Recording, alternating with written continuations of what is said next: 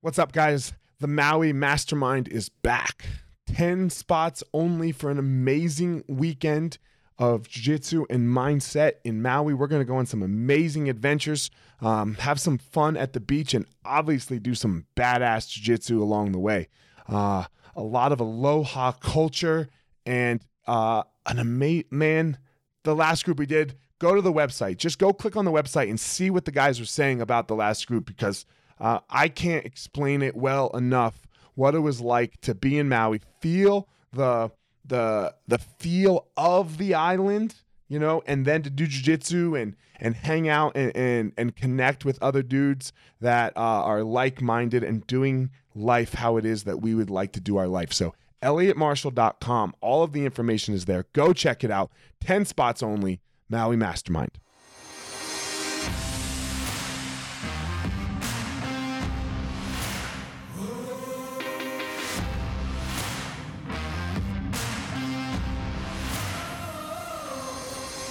What's up, my ninjas? This is former UFC fighter Elliot Marshall, and this is the Gospel of Fire, where we are going to learn how to go into the fire so that we can find our power and live the best life possible.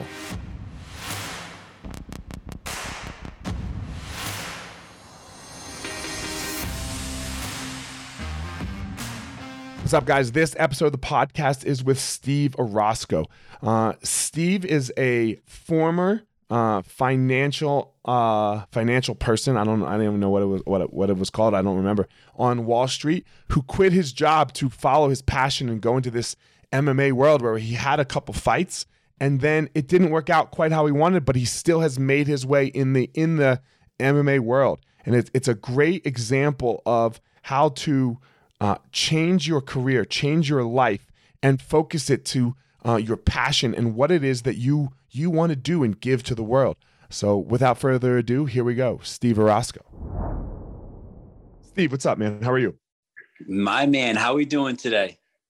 I'm doing well, man. I don't even know. I don't even remember how uh, we originally got connected. I don't know if we started talking on Instagram first or Absolutely. or what it was. I don't remember. Do you remember?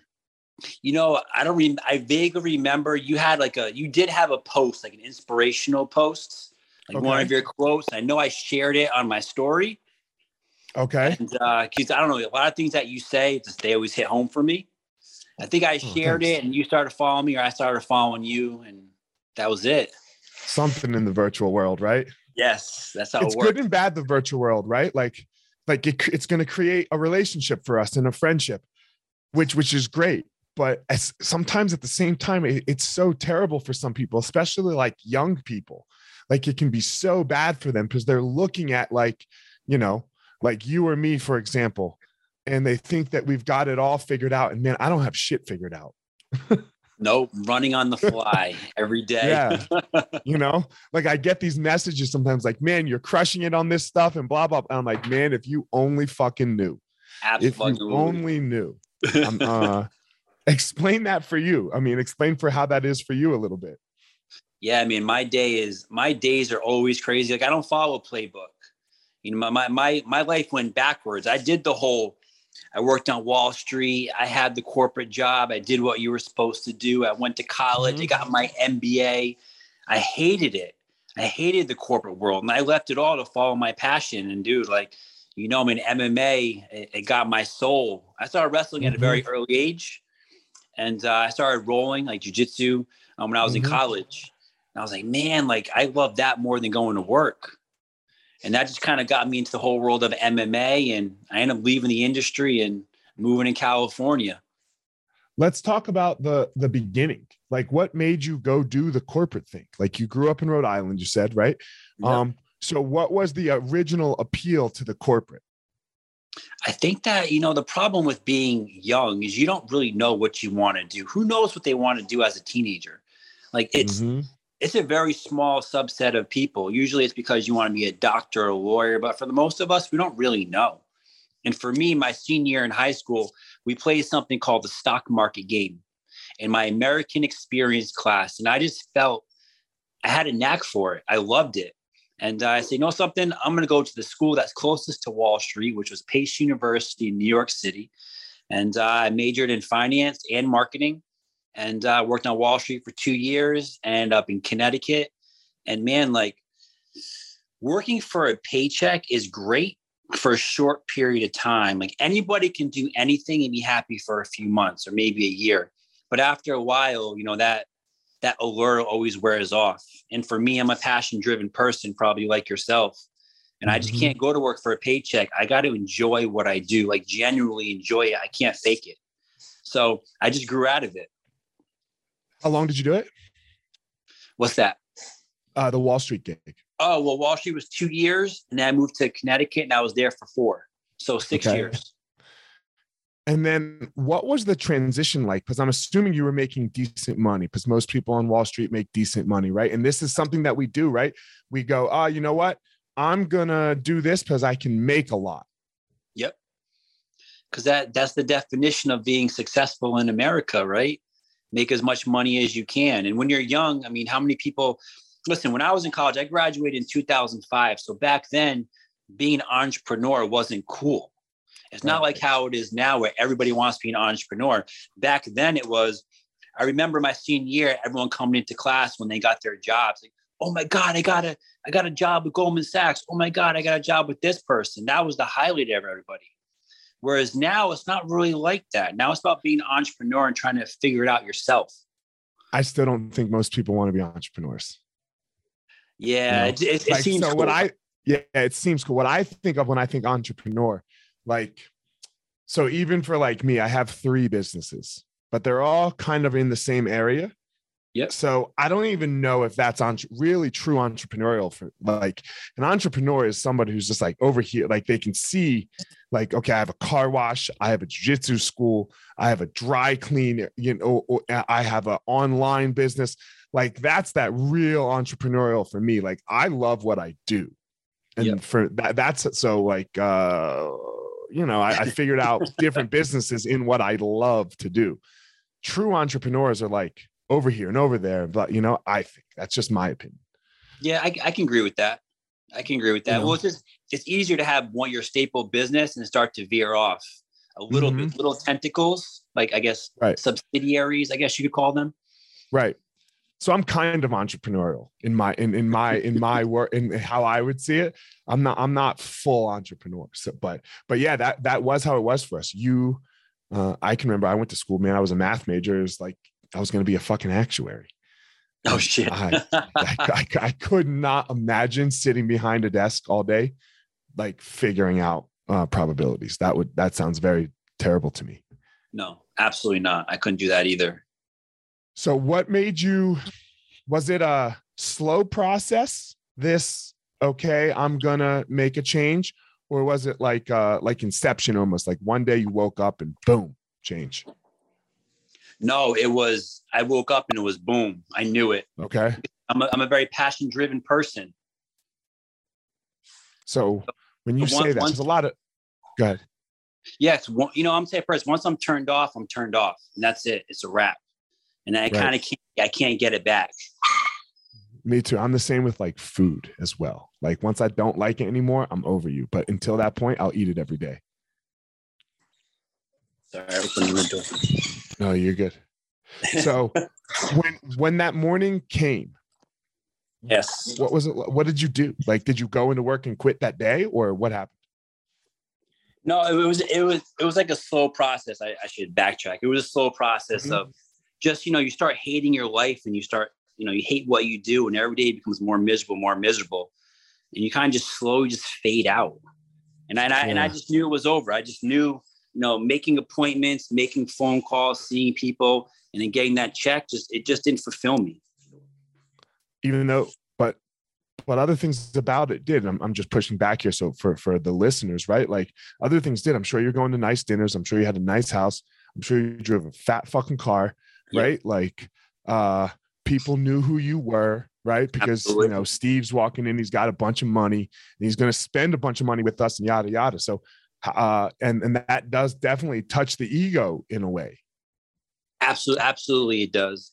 But again, you know, I try to tell people money shouldn't be your driver. Like, I don't know. Again, some people are driven by money, and some people are just driven by, I don't say purpose, like purpose in their in their uh, in their success, I guess you could say. You know, for Right. example, I, I go back into Wall Street right now and be in finance and make a couple hundred grand a year, no problem. But I know I'd be miserable. I'd rather find my way up to the top and doing something that I love. I, I I don't even yeah I agree with you and even if I don't meet the top of like this business you know like maybe maybe you don't become Tony Robbins and and Yeah. all right you know but the chase is really cool the, ch- Oh, the chase for me is amazing Yeah. Well, you know, as a, you know, when you say the chase, it's like, you know, when you're a fighter, you have to also love fight camp. If you want to be a fighter, it can't just be getting in the cage. I'm going to fight one day. You got to love the process leading up to it. Otherwise, you're going to hate your life as a fighter too. Yes you have to love to train like if, Yeah. if you don't love to train then you're fucked Yep, right because you have to train all the time it's not Oh. just fighting if all you do is fight you suck Yeah, true. yeah, you suck. And and then that's not fun either. You know, that's not fun either. My friend used to say uh, when I first started fighting, he's like, Elliot, you're not a real fighter, right? You're not a real fighter until you lose a fight and then choose to fight again. True. Because that's that's when you see, right? That's when you really see, like, oh man, that sucked. You know, Yeah, that sucked. Do I really want to do this? Because that was terrible. And that so and that's the beauty of wrestling. I always tell people, man, like every boy and girl should start wrestling at an early age because you're never going to win all the time. It's impossible. And you're going to lose. You're going to get embarrassed sometimes. You got to come back the next day and get on the mat and still go just as hard and be just as strong. So it's there's that's why I love that sport. there's something different to getting your ass kicked physically Yeah. right like i've lost at a lot of things basketball football like you lose and, and like i totally understand all of that but there's something different about somebody being able to hold you down beat your ass and you can't do anything about it like it's not just i lost it's this like emotional experience of oh my god Yeah, because you figure like whether it's wrestling or or MMA or even jiu-jitsu, Mhm. you're two people that have both given your soul for however many weeks preparing for battle and then when another human beats you it, it, it hurts. It hurts emotionally for a minute. I mean you got to get over it and mm-hmm. bounce back but you, you feel that differently than anything else. What was your transition like into this new world of yours when you stopped the old job and became the new job and, and became this new Steve? I, I i was me. I was me. Yeah. Even even before working the only time i ever felt truly free was on a wrestling mat. And Okay. obviously you know when i got back onto the mat to for uh, for jiu-jitsu i just fell in love. It was like i couldn't wait to get out of work to be on the mat again to go grapple. You know and i Mhm. also had that first like that drink the kool-aid of jiu-jitsu you know? Where the first time i did it i was like oh shit 'Cause i remember the first time so I got invited down to come train one day because I was a wrestler. And I'm talking to this dude who was a black belt. He said, Yo, you should come down and, and try it, you know, because back then, What year is this? this is 2004. Okay, early still, No. though, pretty early. Yeah. So back then, you know, wrestlers were just starting to get into jiu-jitsu more and more. And, Mhm. uh, and he was, yo, come down, come down. So I went down and I had roll for the first time. And it was his brother, uh, Joe Abate, who at the time was a purple belt. And dude, he tapped me out probably 10 times in three minutes. It was probably the most humbling experience ever. I was like, oh my you're God. Because you're Yeah, tough. You're a tough dude. You can wrestle. You've been on the mat your whole life. And like you'd probably be okay with it if some badass black belt did it. But some like purple belt, like dude, your belt's purple. How'd you fuck me up like that?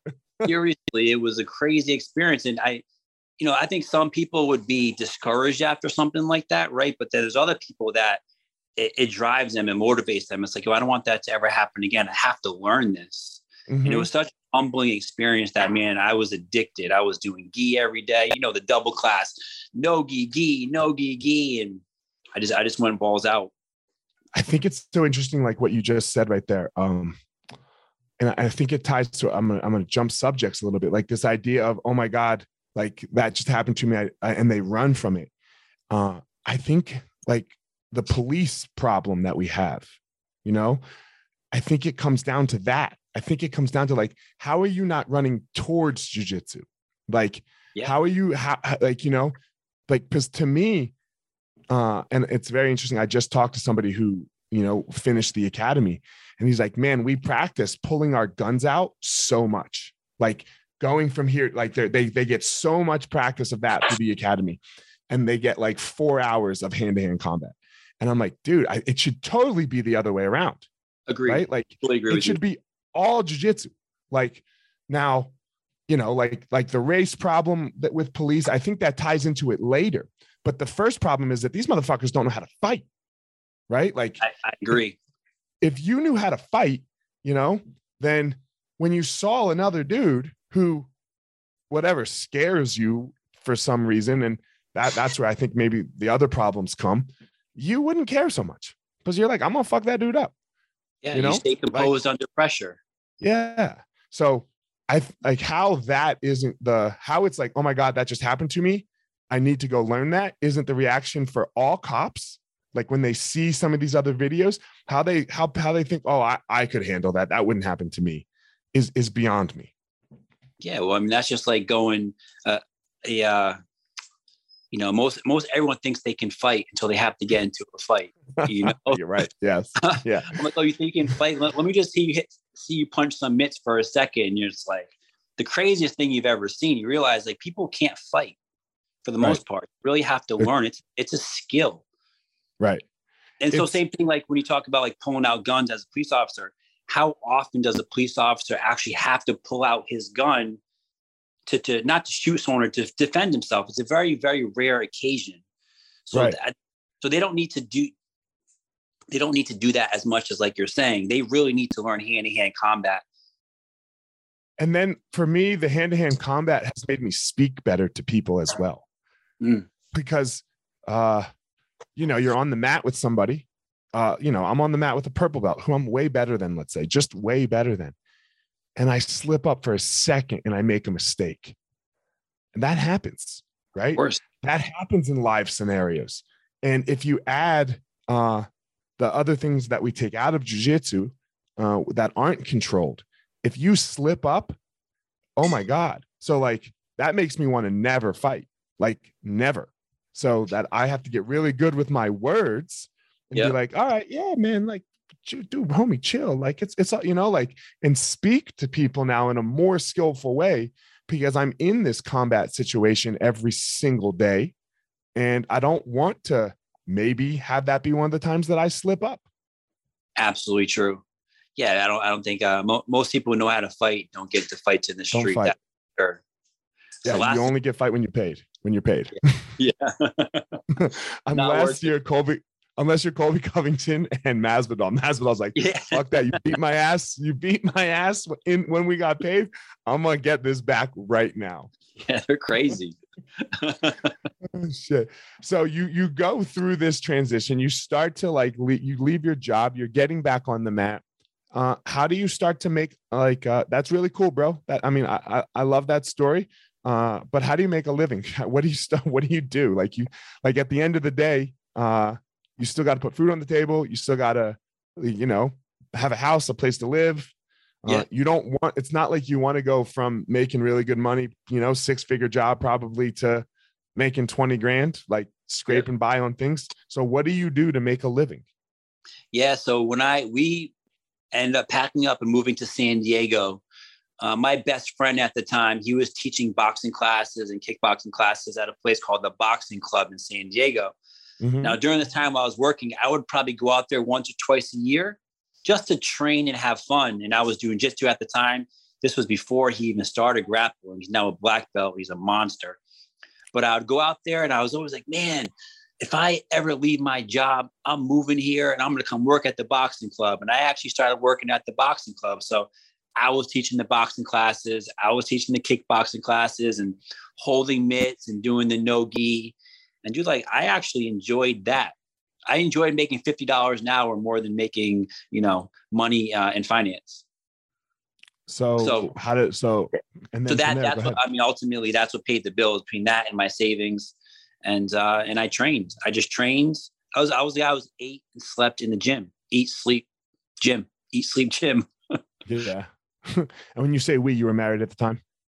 Uh, I wasn't married, but I am now to who my Okay. fiance was at the time. Yeah. Gotcha. Kids, no kids. Like, did you bring your whole family out or Yeah. Well, I didn't have a kid yet. So I have my Okay. eight year old son, Jax.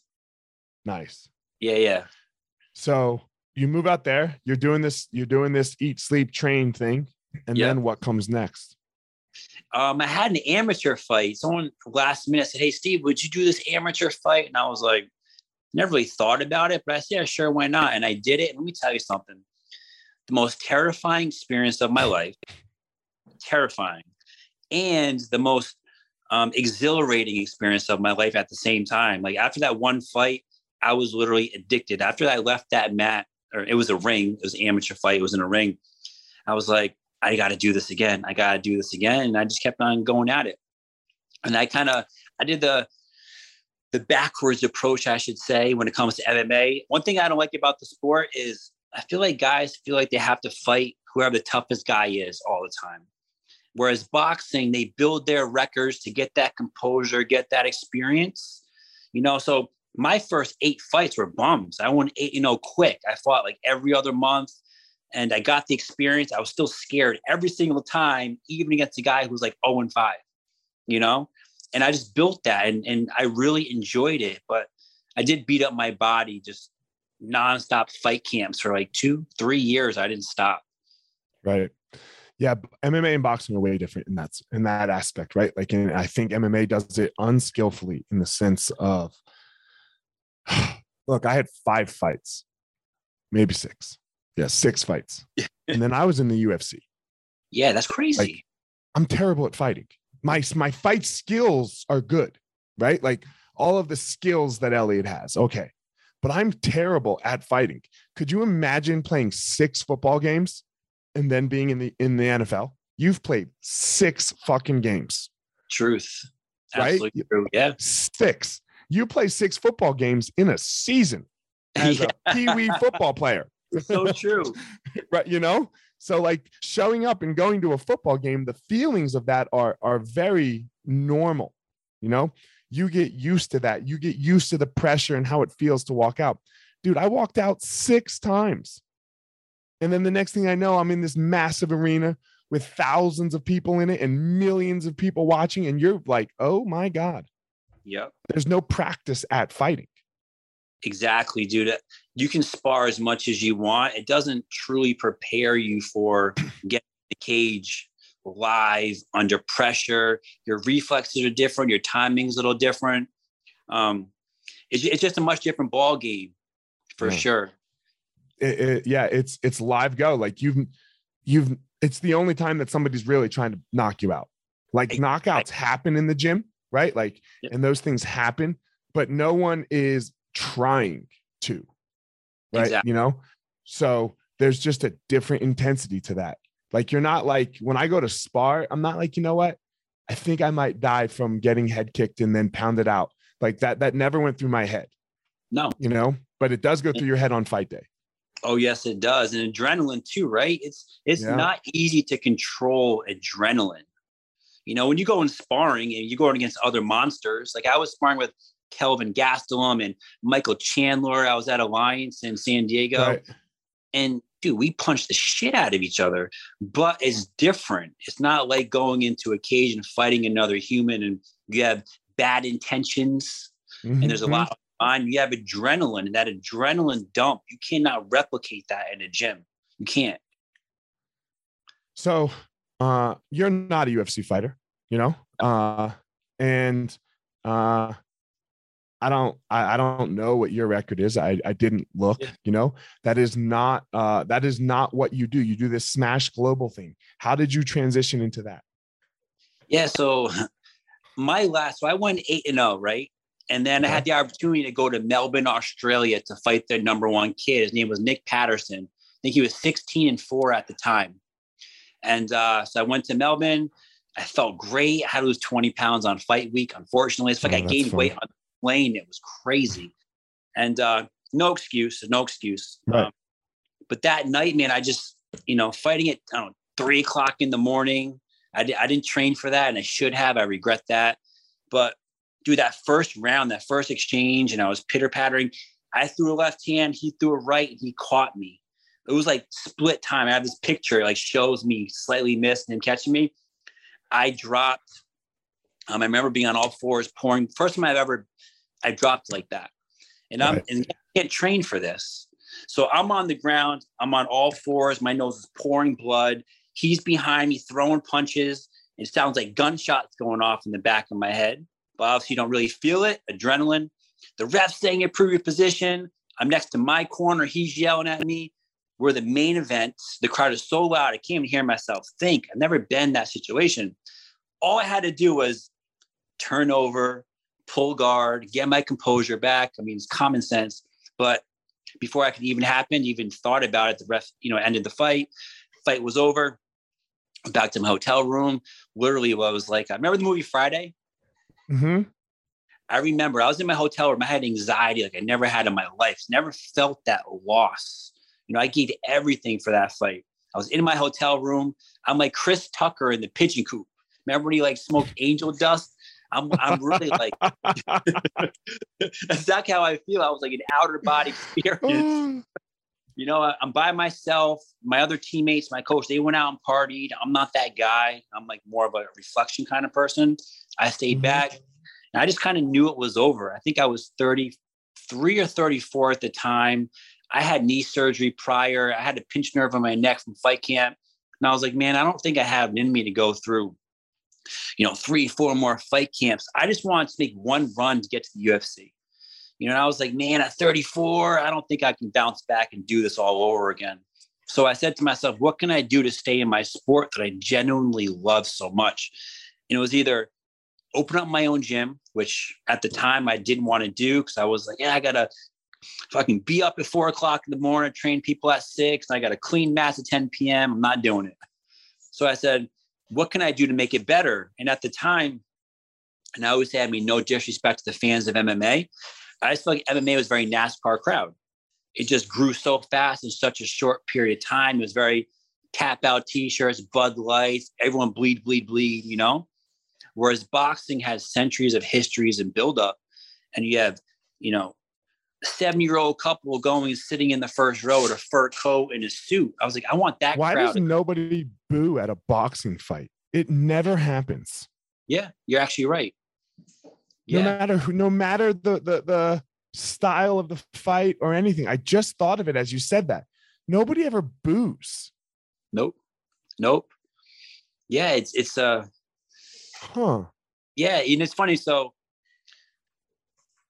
I don't want to, I don't want to fast forward too much, but when I had Yeah. my first show, when I had my first show, one thing that was so amazing was these people had never been to a live event in the first place. So it was a different crowd. So you went into promoting. You went on to putting on shows. That's what's yeah. Yep. Yeah. So I, I got my I got my license with the California State Athletic Commission. Um, I had two shows in San Diego, and then I had hold on one second. Yep. My wife is interrupting me. Sorry about that. You're good. Um, so where was I at? You have two shows in San Diego. Yeah, so I had two shows in San Diego. Now, the first show that I had was at the Hard Rock Casino, uh, Hard Rock Hotel, downtown San Diego. And when I Mhm. pitched them on the idea, they're like, "Oh, you know," it's kind of confirming what I was doing. They said, "You know, we don't want, we don't want MMA fights in our hotel because it doesn't add any value. We gotta, we have to add security. We gotta do this. We gotta do that." And I was like, "Well, this is this is literally." Uh, putting credibility on why I need to change the sport and add value to it. Um, so at my first show there, I just changed the way it was done. Instead of having your, you know, your open format, it was black tie and gown. It was seated dinner. It was open bar. It was red carpet. It was a ticket price point that kind of phased out the MMA community. You know, as you know, with the local MMA show, how they sell tickets, the fighters sell it for them. I, just- I hate it. I know It- that was the it. worst part of the local show, right? It's not my job. Like I always felt like as a fighter, it's not my job to promote. Yeah, like my job is to show up and fight. Like you should want like, and even the UFC doesn't do this, right? Like the UFC goes, okay, that guy's going to sell tickets for people to come, but he's Yeah. not going to actually physically go sell tickets, which is insane to me. It's it's the lazy man fighter. Yep, exactly. So, you know, it's, hey, well, they're going to pay you like $500 to fight, but guess what? You also have to sell 20 tickets. So you're basically paying yourself through your ticket sales. And that sucks for a fighter. Um, so that's what happens. And they So- get mad at you. They get mad at you if you don't sell tickets. And you're like, yo, dude, I was training. Fuck off. seriously, you know? So, and the biggest problem with, with that is what happens, you're selling $30 tickets or $20 tickets. What happens is you have a $20 crowd. Right. You know, most fighters don't have a, a higher net worth net a higher aren't from a higher net worth demographic. hmm They can sell, you know, for example, they'll they'll offer, hey, we can sell hundred dollar VIP tickets. How many fighters are selling those tickets? Not many. You know, so I wanted to bring in that crowd that would pay 300, 500 for a ticket to go watch MMA like you would if you're going to sit in the front row of a, of a boxing venue. I mean, those people are paying thousands of dollars. So I wanted to provide an experience for people to come and, and not feel like they're in this threatening atmosphere so they could network as well. So like I said, that's why I made a black tie and gown, um, the whole seated dinner, the, the open bar, a lot of celebrities come. I honor someone who's made a significant impact in the sport or in combat sports in general, because that kind of draws a lot of people and it's kind of a way to give back as well. So, a dude who was a fighter, a dude who was a finance guy, who became a fighter, who quote unquote didn't make it, Yeah. and then does this fight thing a little different. You're not trying to, you're not competing at all with the other local shows. No, not at all. Nope. Other than maybe, you know, going after some of their fighters, but you know how it is with local shows, you're not putting anybody on a contract and fighters are Right. just to find fights at local shows in the first place. How do you pay the fighter? Like, you know, because it sounds like this, this, this way has some expense too, you know, some, a much higher expense than, uh, than, you know, all you do is show up and give them money or, or all you do is show up and, you know, for $20 and then they go buy their beer and yada, yada. Yeah, absolutely. So, but I also have, you know, you go to a normal pro fight, a local show, there's about what, 15, sometimes 20 fights on a card. Mhm. you know crazy i only do five fights because if you're going to an experience like this generally after about four fights people start losing interest you've ate dinner you're drinking now it's 11 o'clock you kind of let's go on to the next thing so i max out of five fights i actually hope that one of them falls off so i have four Okay. four perfect number but i had a show where i had four fights and i and two of them didn't make it i only had two fights so the So day then- of like calling salsa dancers to come and dance in the cage. I, I, I did a, I did a female grappling grappling uh, bout as well. Got it. So, but yeah, so So people, you go for five, you hope one falls off. If it doesn't, it's no big deal. It's five. If one falls off, you still have four. exactly, yeah, and that's perfect. Yeah. Cool. Because then I can do like Um, two fights, an honoring ceremony, two fights, or I'll do like three fights, honoring ceremony, main event, depending. hmm Um, and you still train. Yes, I don't. mm, I train very hard in a different way, like more strength conditioning. Okay. I uh, I've had a lot of injuries in the last couple of years. I tore my ACL a year and a half ago, and then six Oh, months God, after, right in the middle of COVID. That sucks. yeah, and then right after, six months after my ACL surgery, the doctor cleared me to start training again. First day back, no, I'm sorry, a month into training, I tore my Achilles, Same leg. Other leg. I wish it was the same leg. so both of your legs are fucked rather than yeah just one. so so both my my acl healed amazing like it, it's fine my achilles man is a, a nightmare Yeah. yeah. july will be a year and it's probably 70% maybe Yeah. tough injury Um, what advice do you give to people who, uh, like you know, they, they hear your story. Uh, Steve quit his job and yada yada, and then moved on. But sometimes, look, uh, fear's a real thing, absolutely right? Fear, fear's a real thing, and people get stuck. You get stuck because you're afraid, Yep. and you've been afraid, and I've been afraid, and we've all been afraid. But somehow we've been able to conquer that, right? Somehow we've been able to, to you know, what does Joe Rogan say? Quiet the inner bitch. right? yes Absolutely. So, uh, and I love that statement, but it's not so easy for everyone. And especially right now in the world, we're seeing a lot of people struggling, right? A lot of people are struggling. We're seeing a lot of things, right? Uh, you know, people are quitting their jobs and people are, you know, these mental health problems because of the pandemic. And I'm, and I'm not talking the legitimacy of the pandemic or whatever. It is a result of the pandemic. Uh, what do you say to these people that are really, really stuck? Man, you want you, something different. You have to take you have to take a risk. You can't be scared of uncertainty. And that's a problem, you know. You just I'm big on the whole hard roads become easy, easy roads become hard mindset. Okay. no, so start with the easy road, which is just let's say let's just do what's easy. Be in corporate America. Every single one of those people, for the most part, will complain over time. I feel like you rarely find people who are entrepreneurs that do their own thing that complain about it or they're unhappy. Yeah, it's a struggle, but usually they enjoy the struggle. I enjoy it. I enjoy the chaos. I enjoy the uncertainty.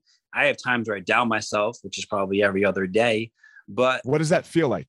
What does that doubt sound like?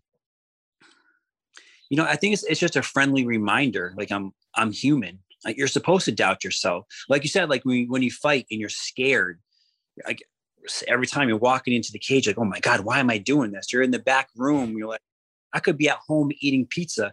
I could be in the stands right now drinking a beer, just chilling. But instead, I fucking just shit for the 10th time in the back.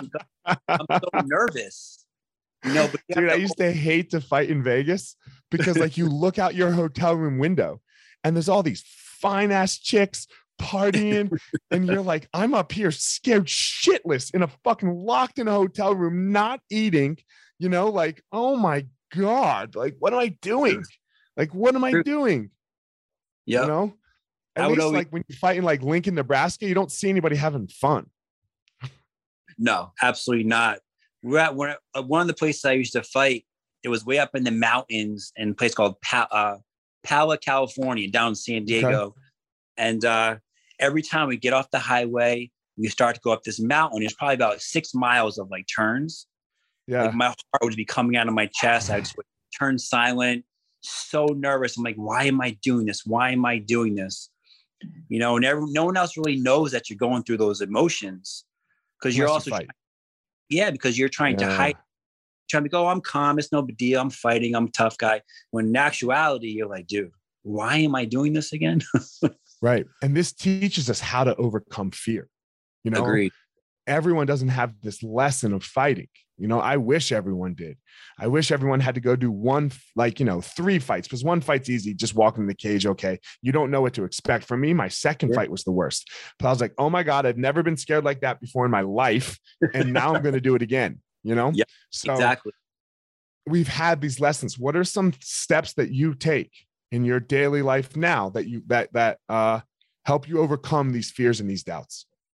I mean honestly i think that i've i don't know if this really helps a lot of people me saying this but i feel like i've failed so many times that failure doesn't scare me anymore. It's just part of life. And that's the biggest problem with people. People are so scared to fail. Whether it's whether they're scared or they care what other people think about them failing. And that's another problem with society now I don't care. Yes, I shouldn't say that. I do care what people think. Everybody cares, but you have to just overcome that. That we all have struggles. We all have problems. I just talked about this last night in my class because uh, I cooked a pastrami over the weekend for the first time. Right. yep. From start to finish, from like I cured the corned beef, everything. It's a five day process, right? This whole cooking of a pastrami. And I got done and it wasn't that good. It was okay. Like I cook well and it was just okay. Uh, and I was like, man, I don't think I want to go through this whole five days again to learn. Cause like, like, you know, learning how to cook well or something like that well takes practice, just like everything else. But yeah. five, each time's fucking five days, fuck my life. Uh, so I was like telling everybody about this in the beginning, like joking around. And then I used it as the speech. I was like, look, I have no problem telling you that I failed at cooking a pastrami or yep. that I failed at anything and I, I literally I said those words. I don't care what you think about me. Like I care. Like like I care. It's it's a really weird thing, right? Like yeah. I care. I don't want to be an asshole, but if you think I'm an asshole and I'm not doing asshole shit, what can I do? You know, what can I do? It's absolutely true. I saw a good thing, you know, about uh, offending people, right? It's impossible not to offend people. You know, if I'm talking to just you, can I offend you? Yes. Now, let's say I say the same thing to 10 people, 100 people, 1,000 people. You're always going to offend somebody at some point, no matter what. And you can't get past that. And people have to get over it. You just have to be yourself. Uh, look, it's what your shirt says. Hate, right? Like, oh, yeah. uh, I might Yeah. offend you, but the question because is it coming from like a hateful way, right? Am Yeah. I saying all black people are bad? Well, now look, I'm offending a lot of people, and uh, that's hate, right? Yep. There, there, there's this difference, you know. And I and I like with the whole free speech thing that we're talking about so much now in, in the world, right? Like, man, if it's not hate speech, and I and I agree that we shouldn't allow hate speech, right? Like, you know, but uh if it just makes you sad, go go like look, that's on you not to be sad, homie. And then I can try my best to not Agreed. make as many people sad, but like nobody can offend me. It's my choice whether or not I'm going to be offended. I agree with you. It's a fact. So speaking of that, I'm also uh I'm running for Senate here in Connecticut. You know, and where I am, so I'm already past the primary. I'm going up against a guy named Martin Looney, who's going into his 16th term in office, which is already a problem. Already a problem. Already a problem. Now, me as a minority, I'm half black, half white. I'm also Republican now. Was was a lifelong Democrat. I just become more conservative with age. I actually hate the two party system. It's more like liberal and conservative. You kind of bounce through. Like, dude, I'm liberal on some things. I'm conservative on others. I just my just my values just align a little bit more with conservative side. Having a family, owning a business, just normal stuff. But this like party affiliation is literally what's dividing us. It's terrible. Terrible. It's so terrible. I, I- I, can't I can't grasp it. Like I, I look, I'll say I lean, I'm half black too. I'm half black, and you know, my dad's black, my mom's white. And maybe let's say I lean a little more the other way because of like some social issues. But yeah, like wh- where where like where okay, quote unquote, my party is now, go fuck yourself. And I'm sure you feel very similar with the Republican Party, but like where like go no fucking way, you know? Yeah. So like I don't, and I think most people are here, we're, and then somehow we go boop, and then we hate each other. Yeah. Well, we're You also know? letting like the far left. We're letting like the far left and the far right, who bark the loudest, dictate the future of our country, and our politicians are also catering to the catering to them. Yeah, because they're so loud. Yeah, They're they're marketing catering to them. Yeah, they're they're catering to them on both sides, and I'm Both like, sides. dude, what are you doing? Like, what are you doing? No, you know, no, go fuck yourself. But I think what this comes down to is, from my perspective, uh, this whole barking thing is it's too much. Like, if you have to bark, really, like, uh, walk soft but carry a big stick. My friend likes to say Oh, I like that. you know? You know you walk soft you walk soft uh you don't have to tell everyone how badass you are. No, you absolutely know. I, I you know you, you don't have to do that. Like tom brady Yes. he like you know everyone gets a super bowl shirt like super bowl champion when they win them and he's got seven of them or he had seven of them i they're either in storage or thrown away. He never wears them in public. Nope. Doesn't because why? Everyone knows who he is Truth. That's the best quarterback in history. So walking It's- around and be like, I'm a lion, bro. I'm a fucking man. Like, you know, it, it drives me insane. It drives me insane. Yeah, when you say that, so my favorite humans on the planet, my favorite personality, are the humble savages. Mhm. that walk around, they're very humble, but as soon as they have to go, that savage turns on. Like, how many fighters do you know? I can tell, like yourself, you're calm, you're cool, collected, always nice, but as soon as that cage door closes, you got to turn on that alter ego and go. And the cage those door that- doesn't close for me anymore. Yeah, Right. it doesn't close for me. So that dude rarely has to show up. truth. You know, he has to show up in other ways father, husband, uh, leader of a school, you know, as it does for you, father, husband, leader of your business. You know, you have to show up st- with strength and positivity, you know, and you have to hold a line. But this this fighter Elliot almost never has to show up in the world. Yeah, agreed with you. Agreed. The only time, like I can only remember one time that I really wanted to fuck somebody up, bro. In, in recent history, in re- and I talk about it all the time. I show up at my my son's lacrosse game, and there's this dude with a shirt on, and it says "Lions, not sheep," and he's got on his pant "Lions, not sheep," and he's got a hat on his head "Lion, not sheep." And I wanted to walk up to him and be like, "Yo, bro, I'm gonna fuck you up, and I'm gonna show you that you're not a lion." Okay. I'm Yeah. not saying I'm I'm not saying I'm a lion. I'm not going to say that. But what I'm saying is you're not. And the reason I know you're not is cuz you're screaming that you are. You know? You're screaming that you are. So let's let's just take that shirt off. Like just wear one piece of paraphernalia. Don't have all of it. Like you're trying to you know, I I can't stand it. And Well, then that was like- again on the Go ahead. Yeah, that was like the the the tap out phase. Tap Right. out hat, tap out t-shirt. Half these guys never even trained in the first place. Like, why are you Right. wearing that stuff?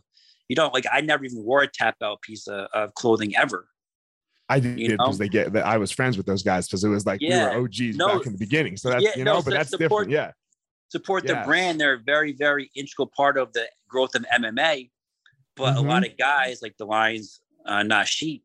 That same mentality. Mm-hmm. Mm-hmm. And then on the other side, we're ha- like, like, uh, like it's okay to be weak. No, it is not. No, it is you not. know, no, it is not. It is not okay to be weak. You know, it like uh we believe, I'm sure I, I feel you- you're probably the same. Yes, it is my job to bring everybody up in the world. I would love to be able to do that. Yeah, But I also see it as my job to bring my fucking self up. Absolutely. you know i have to bring myself up. I'm i'm not here to be protected. I i will protect myself. You have to.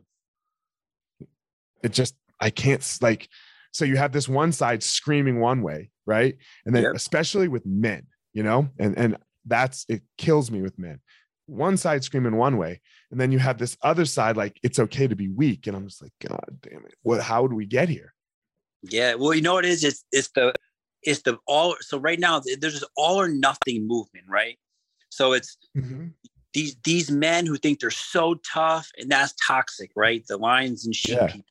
So then the far left pushes back with, no, you don't have to be tough, and you can be weak, and a man can be defined as this and that. It's no different. I don't want to go off topic. I'm only saying it because it's like we like Uh-huh. yesterday, the abortion topic, right? You have you have one side, which is the right. They're saying they're they're pushing back on the abortion narrative because the left is saying it's okay to have an abortion in nine months. Now listen, that's murder. That should not be allowed. But then you have the people on the right, on the other side, that are saying, no, no, no. You know, the, the complete opposite. So we need to have abortion. It's so they push back on each other so hard. Like, why can't there be a compromise? Why can't there be like, hey, listen, you know, we should be able to have it up until 12 weeks. That's a compromise. The, the, the left gets a little bit, you might be a right. hardcore Christian and be against it, but at least you're appeasing to the masses in some capacity. look for for the world i'm pro-choice right? Yeah, for, for like how i see it i'm pro-choice.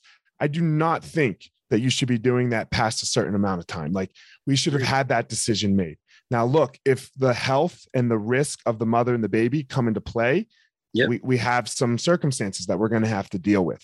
Agreed. right? Like uh and then on the like but it should like there are some hard statistics around abortion and what happens when we make it fully illegal. Crime is going to go up right? Because you're going to have people having babies that don't want babies and that we don't want to take care that they don't want to take care of okay crime will go up uh, people will be killing themselves while trying to still have an abortion right? Truth. like we we we know these things we know these things about abortion and yeah we shouldn't be having late term abortions barring some major catastrophe you know Agree. and with you know for example with you know uh, with the left, they you know they want you know the crazy lefts, right? Obviously, Yep. like the crazy lefts, they're like, oh, 39 weeks.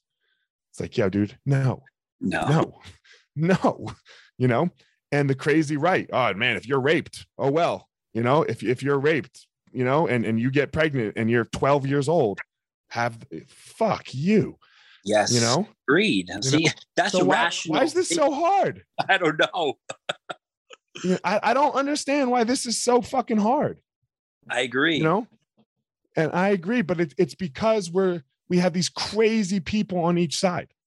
Yeah. You know, and and then uh it, it moves, and then they're like, oh, and then it's like, oh no, that's and you you're forced to pick a stand, and I just don't. It's just we need like seven parties. You know, I as far as our political system. I you know? agree. You know, like it, dude, you can be a Republican and be what Be uh, pro-choice. pro-choice, pro-choice. a Democrat, and be pro. I mean, pro-life. I mean, you can be a Democrat, and you can be a part- Democrat and be like guns, pro pro Second Amendment. know? Exactly. Yeah, you know, You know, and there's just so much hypocrisy that goes on on both sides. Like right now, the the right is all about freedom of speech. I'm all about it, but whether you agree with Colin Kaepernick kneeling for his freedom of speech, like I would never listen. I would never kneel for the flag ever, but Nope. he did exercise his freedom of speech and he paid the consequences for it. But you should have let him do it. Like just let him do it. well, if you don't want Colin Kaepernick to kneel, then what you're going to get is riots, and you didn't like that either. So No. which one do you want? Yeah. Right. Which one do you want? He like, do you want him to kneel? Because that's as peaceful as it gets. Right. I agree. That's as peaceful as it gets. It doesn't get any peaceful. And he didn't even do it out in the public the first couple times. He went over to the bench and did it. Yep. Right? Away from the team, everything. And then somebody saw it and it boom took on a life of its own. It couldn't get more peaceful.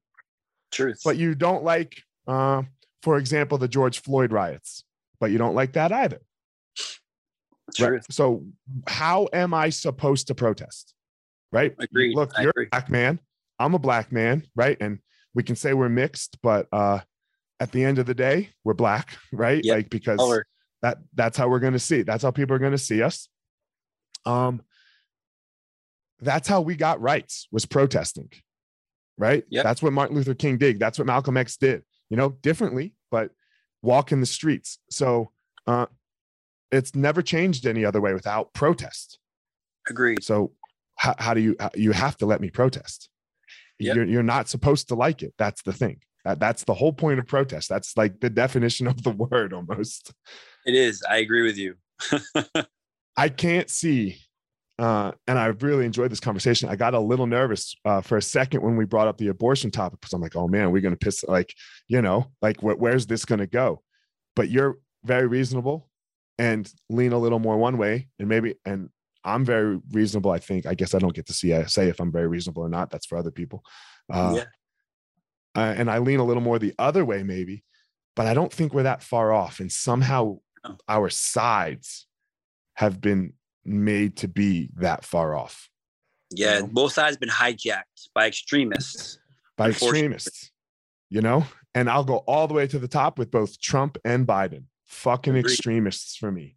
Extremists, you know, that are just listening to people scream. Uh, Yeah. And that's why I didn't vote for either one. Oh shit. So, you know, and that's why, you know, I was like, you know what, man, uh, this ain't happening. I'm not doing this. I'm gonna vote for somebody else. I don't even fucking care. You know, and I actually talked a friend of mine into it who I've I've always voted Democrat at the time up to that point, and he's always voting Republican. I was like, you don't like your guy, and I don't like my guy. You know, so how about you and I just choose someone, and we did a little research, and we chose someone, and we both voted for that person. oh, that's pretty cool. You know, and we both voted for that person. I was like, come on, man. You know, like you you you actually hate your guy. You hate my guy a little more. I understand. Yeah. I feel the exact same way. Just flip the people, you know? So let's find somebody that we don't really hate that much. So and that's the problem, right? Imagine that we're we're picking our leaders based on who we hate less. It's not even who we like a little more, it's who we hate less. Yeah, it's crazy. Crazy. It's craziness, right? Hmm, I'm going to get married. Which one of these girls do I hate less? Yeah. It's it's so ass backwards now. For sure. All right, man. A couple questions as we close it. Shoot. Um, I believe everyone has a unique power in the world. You know, Yeah. they they have a there's something that they go give to the world, and then what they they get something back. What do, what would you say your power is? Um, I feel like I'm a very inspirational person. I really, truly like to motivate and inspire people. And I don't want anything back. Just seeing someone excel after I've given them that effort is all that I need. And it's an amazing feeling to to to see that what's the word uh, excitement in that power in them after you've ins- inspired them. For sure, I, I agree with you. That's that that's where I feel mine is too. Like I I, I love to uh, empower someone else and watch that grow. Like you Yeah. plant that seed that they can do it, and once you plant the seed that they can do it, to them watch them go do it is amazing. Yeah, listen, everyone is always looking to be led, not because they're weak. They just want inspiration. There's sometimes I'm on social media and I get inspired by something. It's a great feeling, yeah. you Hell know? yeah. Dude, I save reels all the time and repost them. That's Yeah, what I me like. too. It's the best, man. It's the best. You know, you're like, damn, that one fucking hit. Hell yeah, let's go. Hard, You know? truth. So, all right, my last question is, and and look, I I know like we have had a relationship like online, and we've talked a little bit previously, so it was easy for you to say yes to the podcast. Uh, but in general, I think everyone always wants like this ROI, like okay, I need an ROI on my time, you know, and it's like us, you know, like, and we're all, and I think it's a problem with the world a little bit is we're always looking for an ROI. There's really not going to be an ROI. I don't know if you're going to sell a ticket to your next show or you know uh, i'm not rogan or tim ferriss or jocko so like your your media won't blow up for coming on this this podcast why take an hour out of your day and remove our friendship remove our relationship a little bit to do some dude's podcast who might not it might not move the needle at all Human connection is the most important facet of life. And having like new conversations with people, even when they're forced like this, and not Mhm. knowing somebody is an incredible thing. You know, like me and you not talking before, and then speaking right now, you realize how much you have in common with people. I'll give you a great example because I'm running for Senate. So, like, Right. I go knocking on doors and I'm meeting random people.